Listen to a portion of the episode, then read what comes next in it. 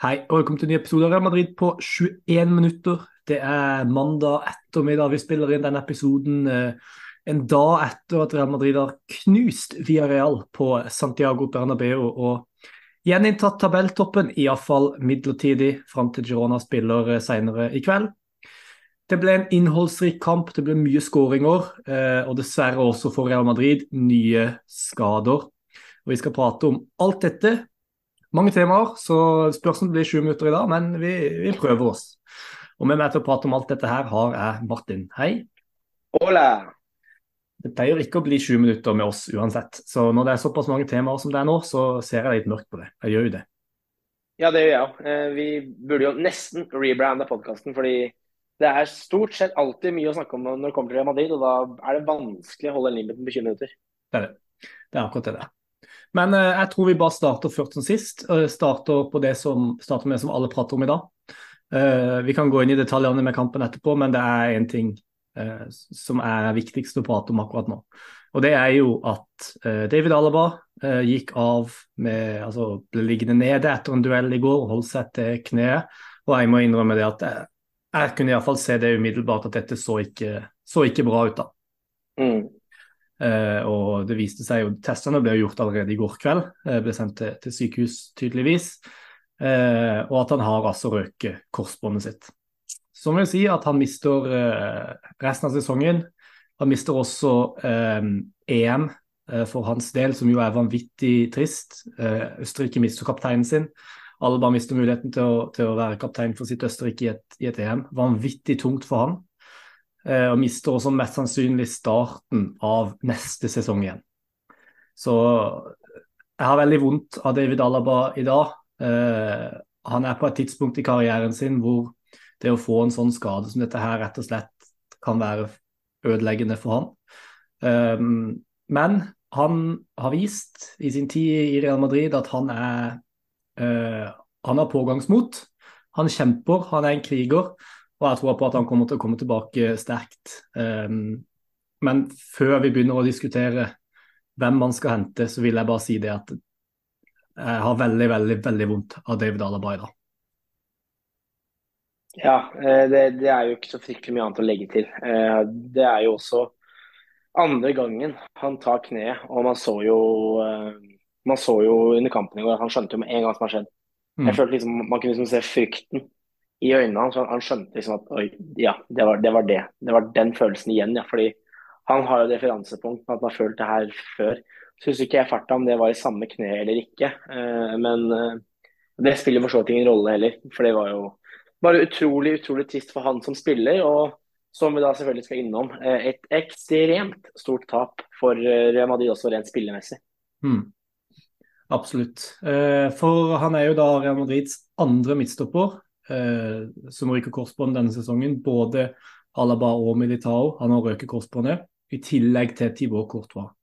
Ancelotti sa i går på pressekonferansen at han har aldri opplevd tre spillere som ryker korsbånd i samme sesong.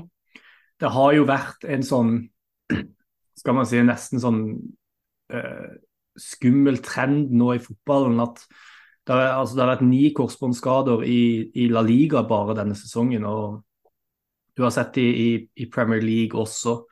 Eh, masse spillere i Premier League som har røket korsbåndet. så dette ser jo ikke veldig bra ut. og Det er uflaks, men det er samtidig en trend man ser her. Og kan man diskutere i timevis med kampprogrammet og sånn. Jeg tror ikke vi skal gjøre det i dag, men dette er bekymringsverdig. Det, det er det ingen tvil om.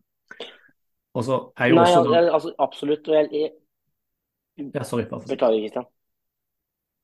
Eh, altså absolutt. Og så leste jeg en annen statistikk om at gjennomsnittlig så opplever et lag å miste en spiller til en korsbåndskade ca. én gang hver sjette sesong. Og det stemmer jo på en måte litt når man tenker kall det før denne sesongen, for det man innstiller. For da var det eh, Jesse i 2013-2014 og så Marco Ascencio i 2019-2020.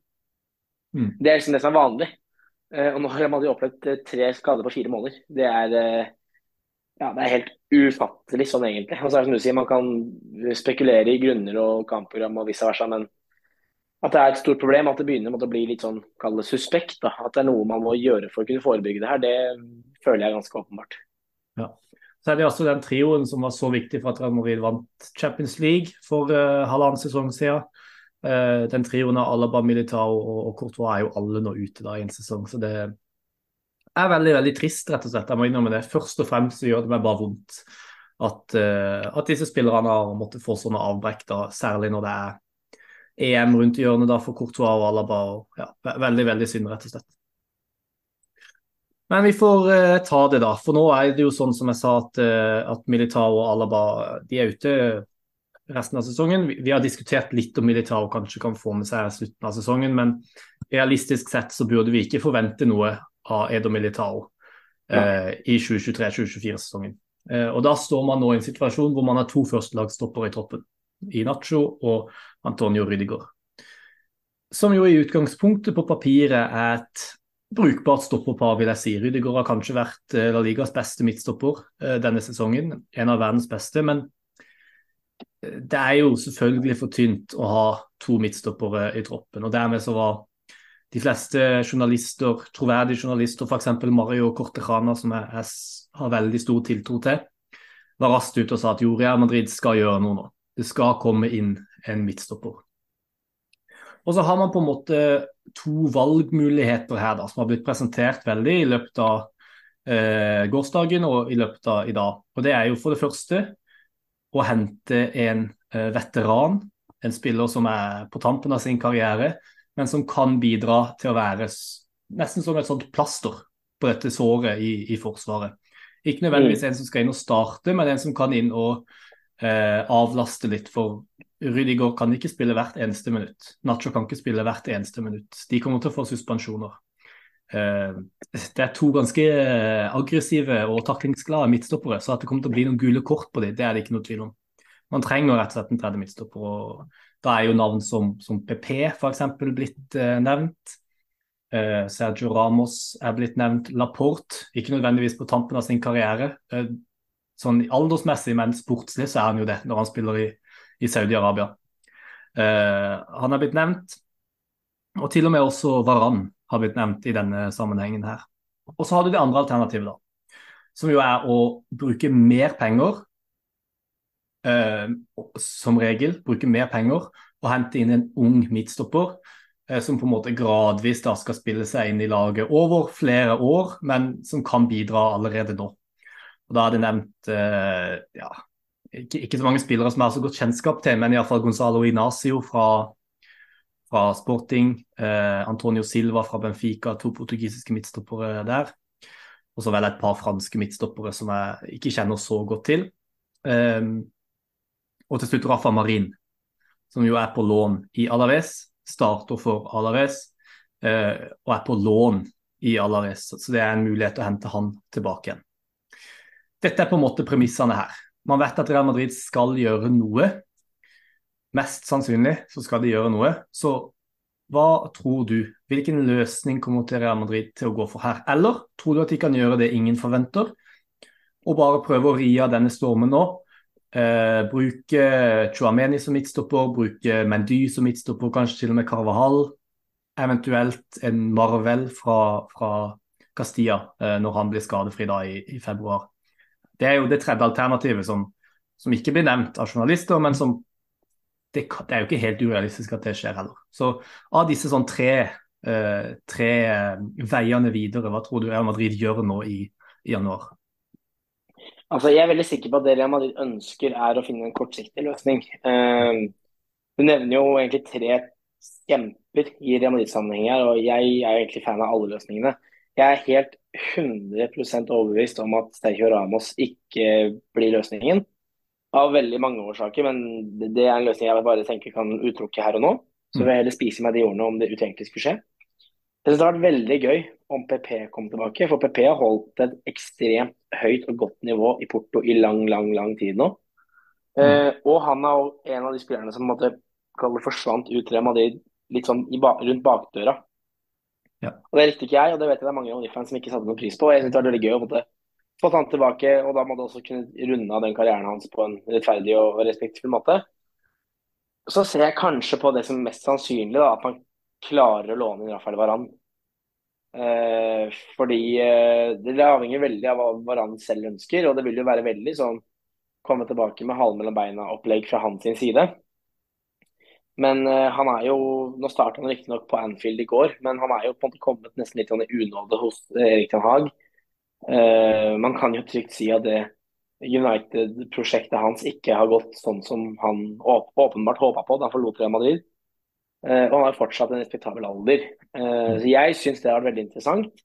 Men så er det alltid denne risikoen med å hente spillere som har vært der før, som hadde på en måte sin plass i klubbhierarkiet og den type ting, og som da måtte komme inn på mange måter med litt sånn Det, skal måte være blanke ark, men liksom rett under det blanke arket så ligger det et sånt stort, fint uh, kunstverk som er tegna opp. Og det blir liksom tullete. Så jeg er veldig usikker på hvordan det vil fungere i praksis. Og så er det litt sånn om det er realisten i meg eller FM-entusiasten i meg som har veldig lyst til å hente noe ungt og spennende, det vet jeg ikke helt. Men uh, jeg sliter med å ikke la meg begeistre av den tanken. Og det går egentlig litt på at David Alaba er 31 år eh, og har da opplever, opplever nå da sin andre korsbåndskade. Vi alle vet hvor vanskelig det er å komme tilbake på et nivå man har holdt i lang lang tid når man har en korsbåndskade. Og jo eldre man blir, jo vanskeligere er det. Mm. Så har du Antonio Rudiger, som vel også er passert 30.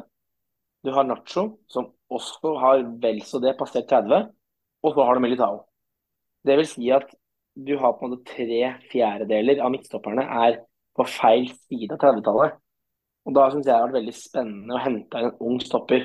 Så er det selvfølgelig vanskelighetene med det å hente en ung stopper som da på mange måter vet han skal spille nå, og så vet han nå at alle er friske igjen, så vil han ikke ha kalle samme statusen uh, i, uh, i elveren. Men jeg syns det er det veldig spennende. Og da er det da særlig disse to portugisiske stopperne som sannsynligvis også vil være det, de dyreste alternativene, som jeg er mest interessert i. Og så føler jeg liksom jokeren her er Amerika Port. Hadde man klart å hente det som faktisk er stopperen på det spanske landslaget, så hadde jo det vært egentlig fantastisk. Han er venstrebent, han er enormt god på alle måter, syns jeg. Jeg har vært veldig veldig fan av det, men jeg klarer ikke å se for meg at han kan komme til kalle det en fornuftig løsning, med tanke på at han til daglig spiller i Saudi-Arabia. Det klarer jeg ikke å se for meg. Nei. Uh, ja, du hadde mye der. Uh, jeg starter med det siste. Mm. For dette var det jeg husker. Uh, jeg, jeg, jeg tror Laporte er ganske uaktuell. Jeg tror ikke eh, mm. Altså, jeg tror Real Madrid kommer aldri til å ta på seg den spinnville lønninga hans for en halv sesong. tror jeg rett og slett ikke kommer til å skje. Jeg tror Hvis han drar til et lag i Spania på et eller annet tidspunkt, så er det Barcelona. Eh, det har vært litt sånn skrevet i skyene, det også. Så jeg tror han er ganske uaktuell. Jeg er enig med deg i at mange av de eldre spillerne virker usannsynlig. Ramos har jeg egentlig helt utelukka. Jeg tror egentlig ikke PP er så aktuell heller. Han, dette er nok hans siste sesong. Han har vært kaptein for et Porto-lag i mange år nå. Eh, vært en av de sine viktigste spillere. Uansett om han hadde hatt lyst til å dra til Real Madrid, så tror jeg ikke at Porto hadde latt sin kaptein gå midt i en sesong. Eh, det tror jeg ikke gir helt, eh, helt, mening. Så jeg tror, jeg tror, dessverre PP er ganske uaktuell også. Og så har du jo Varan, som, som, for så vidt er et alternativ som gir mening. Han er litt på vei ut. United må kvitte seg av mye av dette det de vil kalle daukjøtt, som de har hatt i klubben nå, som eh, tar opp mye lønninger, som har høy verdi. Og jeg tror nok at Varan er en av de, en av de navnene som er på blokka til, til United da. Men Varan eh, har, har, tilbrakt omtrent like mye tid på tribunen i Manchester United som det han har gjort på banen. Han var også veldig skadeplaga i Real Madrid, særlig de siste sesongene. Så jeg er ikke så fan av å hente inn en spiller eh, på lån for en halv sesong som du egentlig ikke vet om han, om, om han i det hele tatt klarer å spille noen kamper, for at han er så mye skada. Uh, det har alltid vært et problem med han. Så jeg, på papiret så syns jeg Varan høres bra ut, jeg bare er ikke noe fan av, av risikoen med det. Da vil jeg heller ha en, en litt sånn solid stopper, som, som du vet hva du får av. Jeg kjenner ikke til noen av disse portugisiske midtstopperne. Jeg har sett Gonzalo Ignacio spille én kamp én eh, gang. Jeg husker ikke hvilken sammenheng, men jeg, jeg gjorde nå det, og jeg syns han så bra ut. Eh, men som du sier, dette er spillere som kommer til å koste 50-60 millioner euro. Eh, og det er jeg usikker på om Real Madrid kommer til å hive ut i, midt i en sesong. Selv om jeg mm. absolutt er enig med deg i at eh, Alaba kommer til å være 32 når han kommer tilbake. Eh, han mista veldig mye av sitt tempo, det som gjorde han så god som venstre back etter den forrige korsbåndskaden.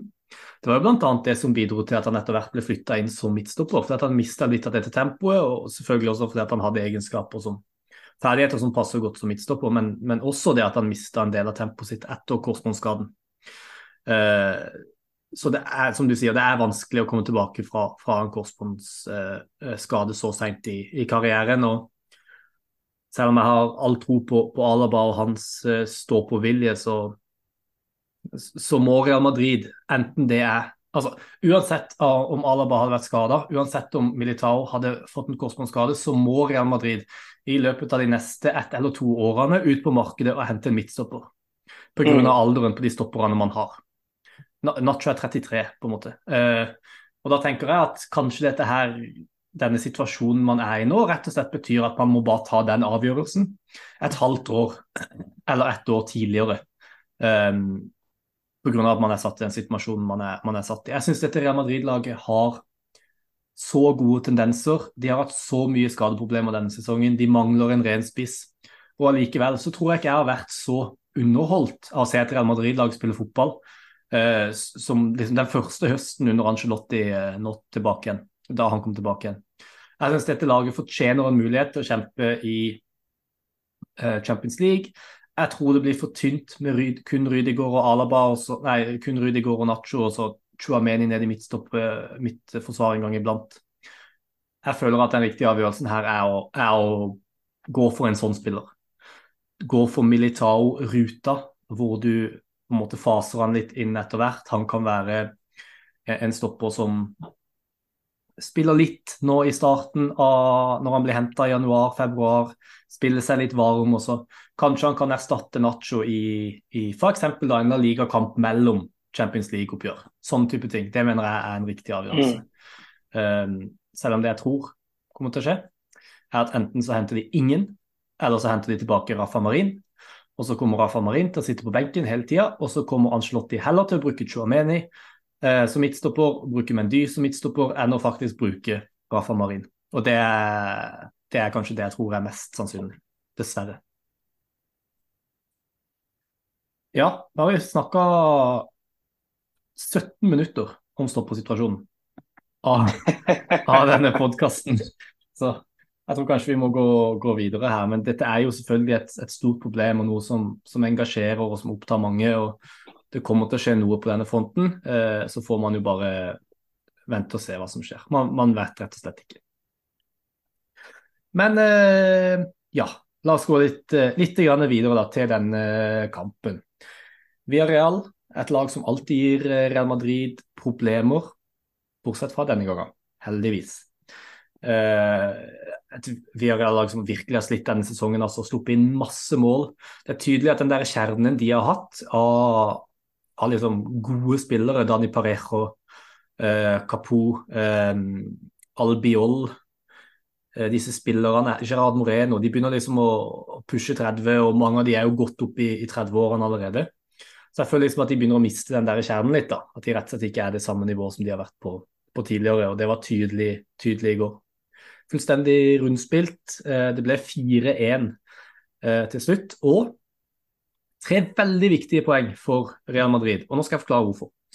Fordi For det første så tapte Atletico Madrid på lørdag mot Atletic Klubb. Og som du vet veldig godt, siden på den kampen var du, eh, gikk altså eh, også Barcelona på poengtap eh, på Mestalla mot Valencia. Så jeg skal spørre deg om hvordan det var. Jeg skal bare avslutte poenget mitt eh, først. Um, og Det gjør jo at Real Madrid nå har i skrivende stund, eller snakkende stund, har syv poeng ned til Barcelona og åtte poeng ned til Atletico Madrid. Og Ancelotti bekrefta på pressekonferansen i går at etter Han sa etter etter jul, sa han, så er Venicius og Camavinga tilbake. Som vil si at Real Madrid har én kamp igjen å spille før de spillerne er tilbake. Og til og med etter jul så har de en hjemmekamp mot Mallorca i sin første kamp. Og så en bortekamp i cupen. Du skal til Ja, ikke sant? Så eh, her er det gode muligheter for at Real Madrid faktisk har Venicius tilbake og har vunnet samtlige La Liga-kamper utenom den Betis-kampen uten Venicius på banen. Så vanvittig imponerende. Det Angelotti har klart å stable i stand etter laget her med de skadene de har hatt. Og det Villarreal som sagt er et lag som, som, kan gi trøbbel til Real Madrid. De har ofte gjort det tidligere, men å ta den seieren der var vanvittig, vanvittig viktig. Og de legger et kjempegodt utgangspunkt for eh, resten av denne sesongen når de, når de gjør sånn som de, de, gjør nå. Først kan du jo si litt om hvordan det var å se eh, Barcelona gå på poengtap på Mestalla. da. Ja, nei, det var naturligvis ekstremt gøy. Og uh, Nå vet ikke jeg hvor godt det høres igjennom uh, holdt på å si, lydkvaliteten, men det, det, det trente øret hører kanskje at min stemme er litt redusert i dag. Og det er fordi at Selv om avspark på Mestalla var lørdag klokka ni, så sitter den kampen fortsatt i stemmebåndene mine. Uh, jeg har aldri, og kommer aldri, til å være en større Valencia-fan enn det jeg var den kvelden der. og det har også med at jeg har billett ganske nærme borteseksjonen til Barcelona. De hadde et veldig bra bortefølge, faktisk. Så det ble liksom veldig mye liv og røre rundt det, og da måtte man jo bare ta i enda mer for å holde på å si døyve de ned. Og det har egentlig stemmebåndene fått merke da, både i går søndag og i dag mandag. Så det var kjempegøy. Og ekstremt gøy å se det Barcelona-laget egentlig gå på nok en sånn skuffende, skuffende resultat. Og ja, at de får dårlig, dårlig respons på det de prøver på. Så nei, det var helt, helt, helt fantastisk. Det er ikke så veldig mange andre måter å si det på. Nei, absolutt. Eh, veldig gøy for vår del at eh, Barcelona gikk på poengtap. Ikke så veldig gøy for min del, vil jeg si at Valencia fikk poeng. Det var litt sånn Det var ja. Men det var det beste av to under, ah, tre under, ja. egentlig. Eh, at det ble uavgjort i den kampen der. Det var jo det beste man kunne håpe på. Men absolutt viktig, viktig for Real Madrid. Vi må prate litt om kampen. Vi kan ikke gi oss uten å prate om faktisk kampen. Den første skåringa kommer fra hvem andre enn Jude eh, Benningham. Et fantastisk innlegg av Modric. Og folk som har et observant øye, kan kanskje la kanskje merke til at den, det innlegget fra Modric det er på første touch der, hvor han bare pisker den ballen mot uh, lengste stolpe. Eh, identisk med det han gjorde mot Chelsea uh, i Champions League, da Real Madrid vant, uh, vant Champions League. da var det jo til, til Karim Benzema, da.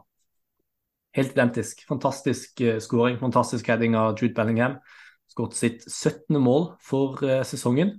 Det er jo helt utrolig. Er galskap.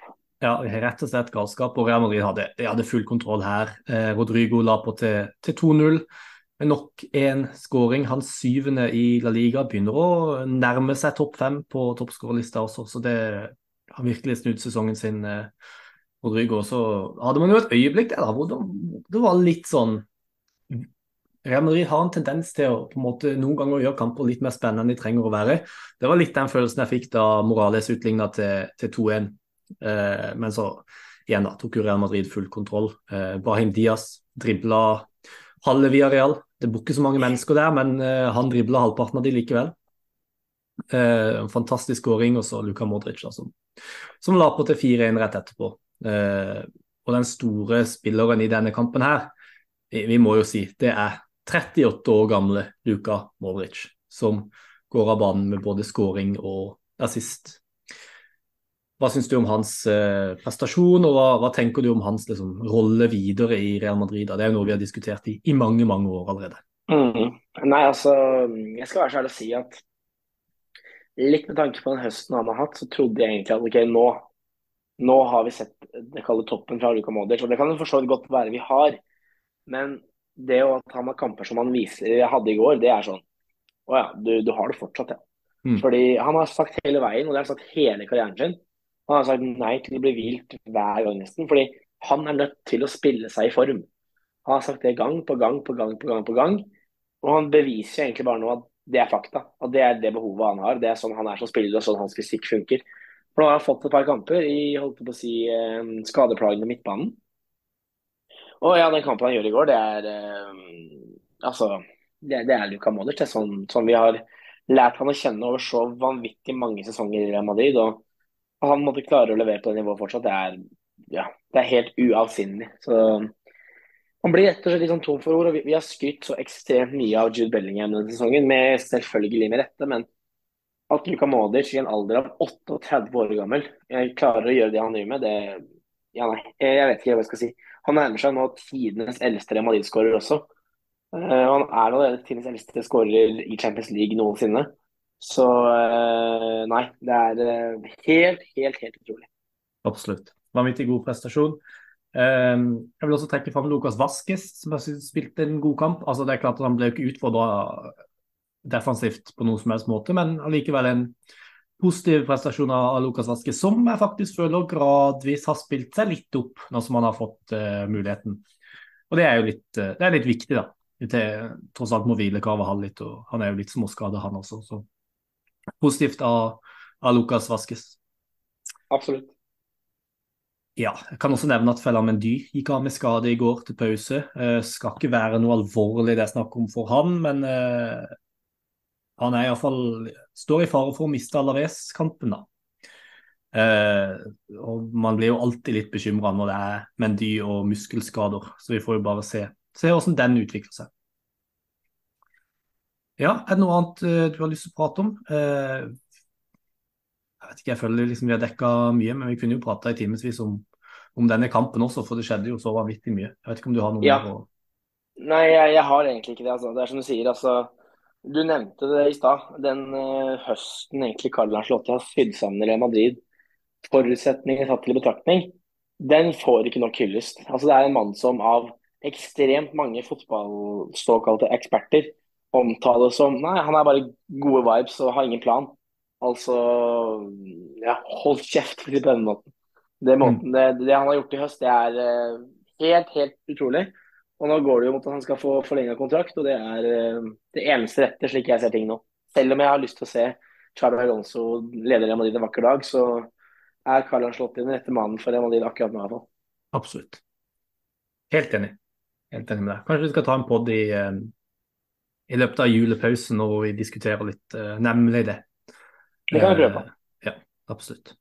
Nei, takk for at du var med i dag, Martin. Det er jo synd at sånne skader som dette her uh, dominerer litt, da, istedenfor å prate om det som kanskje var Real Madrids beste prestasjon i år. Kanskje det var den beste kampen de har spilt. Eh, så blir det liksom fokus på, på skader og, og sånn istedenfor. Det er jo litt synd, men det er jo litt sånn, sånn det funker også, dessverre. Det er litt sånn naturen i det. Så ja, det er leit og trist, men da får vi egentlig håpe at vi får en, en eh, holdt på å si, tilnærmet uh, god prestasjon å snakke om etter Alaves-kampen. Så kan vi fortsette den gode stemninga. Absolutt. Nei, takk for at du var med. Det var supert. Alltid en sann glede. Takk til alle som uh, hørte på, og til neste gang, Ala Madrid.